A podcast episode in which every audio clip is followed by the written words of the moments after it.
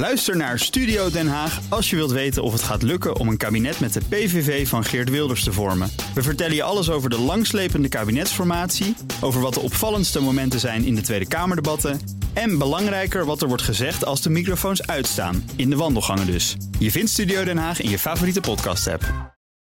De column van Paul Lasseur.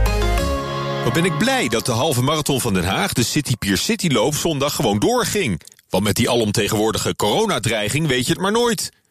Wellicht was een belangrijke afweging dat die vorig jaar ook al op het allerlaatste moment moest worden afgeblazen. Toen vanwege storm en regen.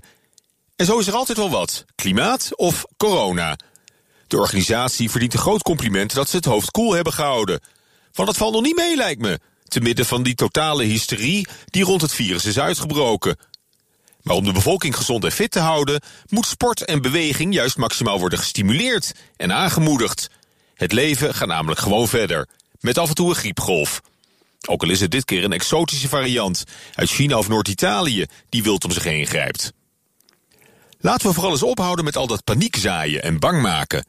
Wat mij betreft is het prima om voortaan in je elleboog te niezen en wat vaker je handen te wassen. En niet onnodig naar risicogebieden af te reizen. Maar ik hoef niet te weten dat Italië op één dag 133 coronadoden te betreuren heeft. Of dat bij ons de teller nu staat op drie sterfgevallen. Met de dood van twee tachtigers in Uden en Sittard Geleen. Het is altijd verdrietig als iemand overlijdt. Niet alleen als dat komt door COVID-19. Al die sterfte- en verspreidingsstatistieken van het coronavirus zeggen op zichzelf helemaal niets. Zolang we die niet vergelijken met dezelfde cijfers, maar dan bij een gewone griep. Of als gevolg van een hete zomer, of verkeersongevallen. Stuk voor stuk gevaren die we in onze moderne samenleving sinds jaar en dag voor lief nemen. Met een veel grotere kans om daaraan te overlijden dan aan corona.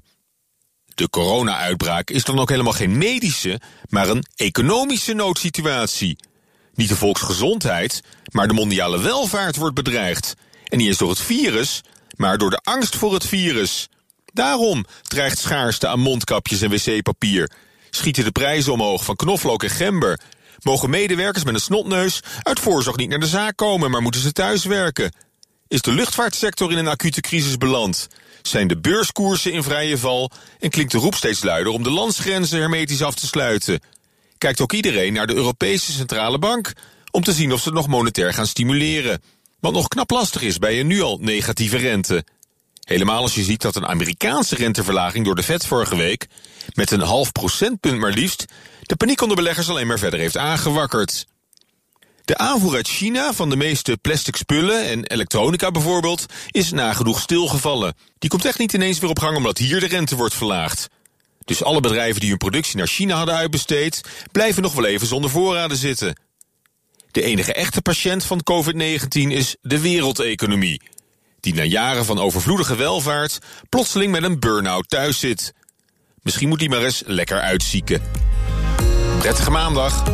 Columnist Paul Lasseur. Terugluisteren? Ga naar bnr.nl of de BNR-app. En daar vindt u ook alle podcasts.